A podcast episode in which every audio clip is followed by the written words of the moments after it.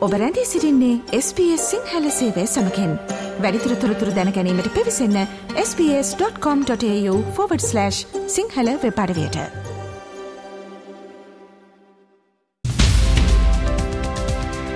මවබිමින් පුවත්.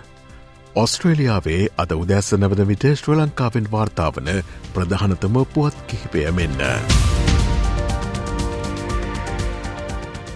අද නොවැම්බර් මාසේ 16 වෙනිදා ශ්‍රී ලංකාවේ සිදු වූ සිදුවීම් පිළිබඳ අවධානය යොමු කරමින් මෞබිමින් පුවත් විශේෂාංගය අදත් ආරම්භ කරන්නේ.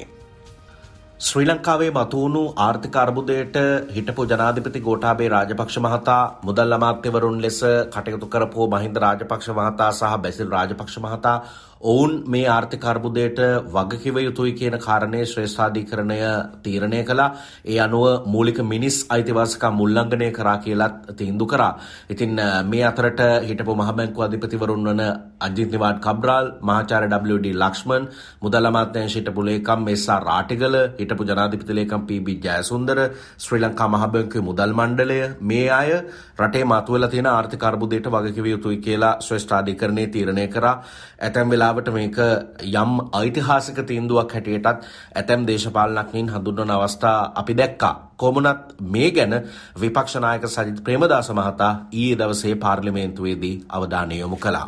විශේෂයෙන් මේක සඳහන් වෙලා තිබෙන්නේ මහජනතාවගේ විශ්වාසනීයත්වය කියන ප්‍රින්සිපල් එක ගෝඨාභය රාජපක්ෂ, මහින්ද රාජපක්ෂ, බැසිල් රාජපක්ෂ, නිවාඩ් කබ්‍රාල්, WD ලක්ෂ්මන්, PB ජයසුන්දර ආටිගල සහ මනිටරි බෝඩ් එක උල්ලංඝනය කරලා තිබෙනවා කියන කාරණා. හැබැයි මේ රටේ ශ්‍රේෂ්ඨාධිකරණය පැහැදිලිවම මේ ආර්ථික බංකොලොත් භාවය ඇති කිරීමේ ඇඟිල්ල දිගු කරලා තිබෙනවා. මම නම් කරපු කණ්ඩායම.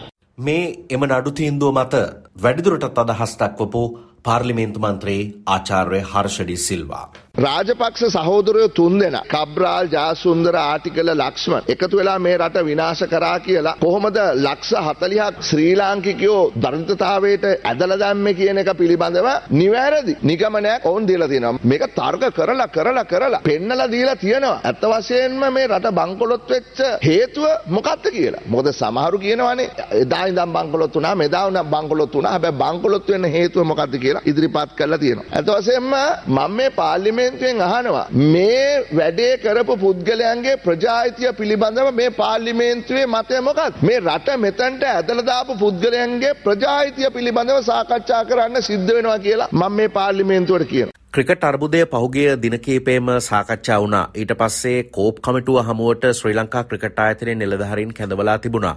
මේ කැඳවීමෙන් අනතුරුව කෝප් කමිටුව සභහපතිවරයා මේ මොහොතේදී තමන්ගේ ආසනය ඉඳලා හස්ත සංඥාවක් නිකුත් කිරීම. ඒ කියන්නේ තමන්ගේ කට තනි ඇඟිල්ලකින් වහලා යම් දෙයක් කියන්නේ අංග චලනයෙන් පැවසීම පිළිබඳව වීඩියෝවක් මේ දවස්වල සමාජ මාධ්‍ය ඔස්සේ සංසරණය වෙනවා එවැනි අවස්ථාවක ක්‍රීඩා අමාත්‍ය රොෂාන් රණසිංහ පාර්ලිමේන්තුවේදී කතානායකවරයාගෙන් ඉල්ලීමක් කළා ක්‍රිකට් ආයතනය ගැන සොයා බලන්න විශේෂ පාර්ලිමේන්තු මන්ත්‍රීවරයෙකුගේ සභාපතිත්වයෙන් වෙනම පාර්ලිමේන්තු කමිටුවක් පත් කරන්න කියලා. ඕක කියන්නේ කෝප් කමිටුව වෙනුවට ඒ අලුතෙන් පත් කරන කමිටුවට ශ්‍රී ලංකා ක්‍රිකට් ක්‍රිකට් ආයතනය ගැන පරීක්ෂණ පවත්වන්න ඉඩ දෙන්න කියලා ක්‍රීඩා ඇමතිවරයා පාර්ලිමේන්තුවේදී අදහස් දක්වලා කිව්වේ ක්‍රිකට් බලධාරීන් කෝප් කමිටුවට කැඳවපු අවස්ථාවේ අවශ්‍ය දේ වෙනුවට අවශ්‍ය නොවන කාරණා සම්බන්ධයෙන් කෝප් සමාජිකයින් කරුණු විමසුවා. රොෂාන් රණසිංහ ක්‍රීඩා අමාත්‍යවරයා පාර්ලිමේන්තුවේදී කියපු විදිහට තමන්ට සැකයි කෝප් එකත් ශ්‍රී ලංකා ක්‍රිකට් ආයතනයට විකිනිලාද කියලා. මේ වගේ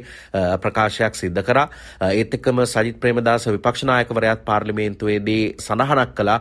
යම් ආකාරයකින් මේ කෝප් කමිටු සභාපතිවරයා හස්ත සංඥා මගින් යම් දේවල් පැවසීම සැකසහිත කාරණයක් කියන එක සජිත් ප්‍රේමදාස විපක්ෂ නායකවරයාත් ඊයේ පාර්ලිමේන්තුවේදී අදහස් දක්වමින් සඳහන් කළා. ඒකට හේතුව මේ දවස්වල කෝප් කමිටු සභාපති මහාචාර්ය රංජිත් බණ්ඩාර කෝප් කමිටුවේ වැඩ කරන වෙලාවේ ක්‍රිකට් පාලක මණ්ඩලය ආපු වෙලාවේ කෝප් කමිටුවට කටින් අතවහලා යම් හස්ත සංඥාවකින් යම් කරුණු දැක්වීමක් නවත්වන්න කටයුතු කරනවා වගේ පේන්න තියෙනවා ඒ වීඩියෝ පටයෙන්. ඒ ඔස්සේ තමයි මේ අලුත් කතාබහ කෝප් කමිටුව සම්බන්ධයෙන් නිර්මාණය වෙලා තියෙන්නේ. මේ දිනවල අයවැය දෙවනවර කියවීමේ විවාදය පාර්ලිමේන්තුවේ පැවැත්වෙනවා. ඒ අතර ජනාධිපති රනිල් වික්‍රමසිංහ මහතා කොළඹ විශ්වවිද්‍යාලයේ ව්‍යාපාර පරිපාලන පශ්චාත් උපාධිධාරීන්ගේ විද්‍යායතනය සංවිධානය කරපු අයවැය සම්බන්ධයෙන් වන විද්වත් කතිකාවකට සම්බන්ධ වුණා. එහිදී ඔහු කිව්වේ රට මුහුණ දීලා තියෙන ආර්ථික අර්බුදය එක අයවැයකින් විසඳන්න පුළුවන් කමක් නැහැ කියන කාරණය.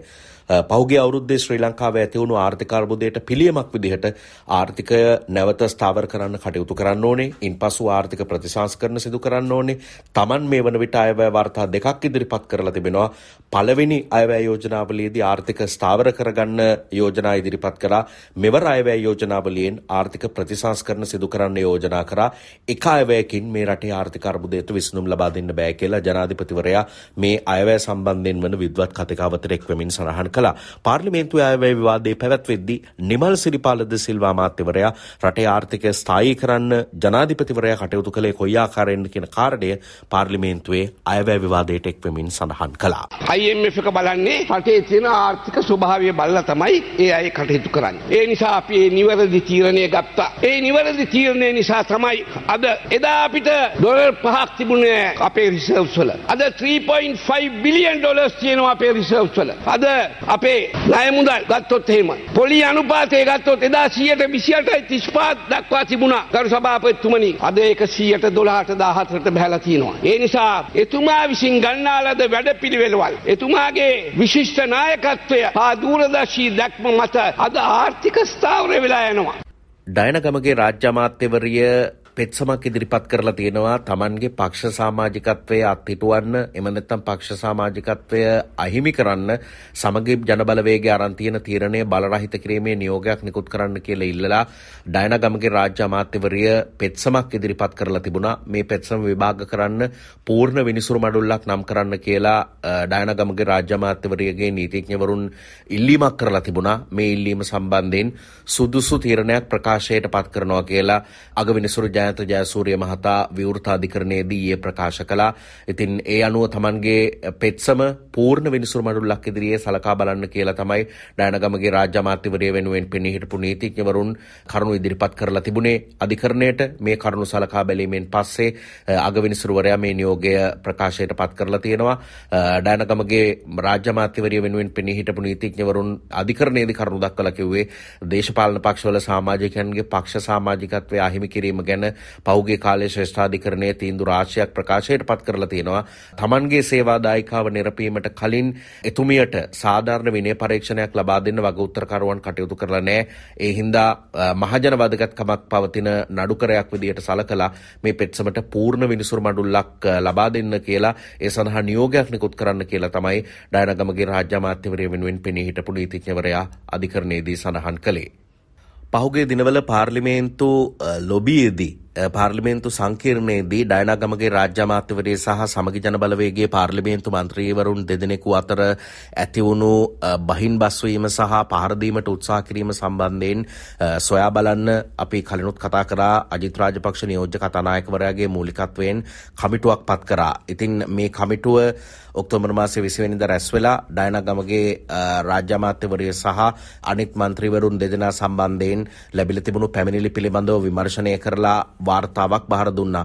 මේ වාර්තාව කතානායකවරයා පාර්ලිමේන්තුවේ වරප්‍රසාද කමිටුවට යොමු කරනවා කියලා පාර්ලිමේන්තුවට දැනුම් දීලා තියෙනවා. ඒ පිළිබඳව තවදුරටත් සොයා බැලීම ඒ අනුව පාර්ලිමේන්තුවේ වරප්‍රසාද කමිටුව මගින් සිද්ධ කරන්න නියමිත බව තමයි වාර්තා වෙන්නේ. ඒ බව කතානායකවරයා පාර්ලිමේන්තුවට දැනුම් දීමක් සිද්ධ කළා. හෙටදිනේත් මෞබිමෙන් පුවත් විශේෂන්ගෙන් හමුවන බලාපොරොත්තු ඇතිව සමුගන්නවා මම ශ්‍රී ලංකාවේ සිට මනෝජ් උදටියාවල. මෞබිමෙන් පුවත් ශ්‍ර ලංකාවෙන් වාර්තාාවන ප්‍රධානතම පුවත් කිහිපය SBS සිංහල සේවෙන්.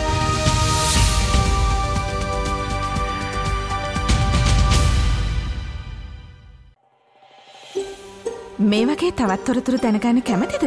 එහෙමනම් Apple podcast Google podcast Spotify ඔබගේ පොඩ්කාස්ට ලබාගන්න ඕනෑම මාධ්‍යයකින් අපට සවන්දය හැකේ.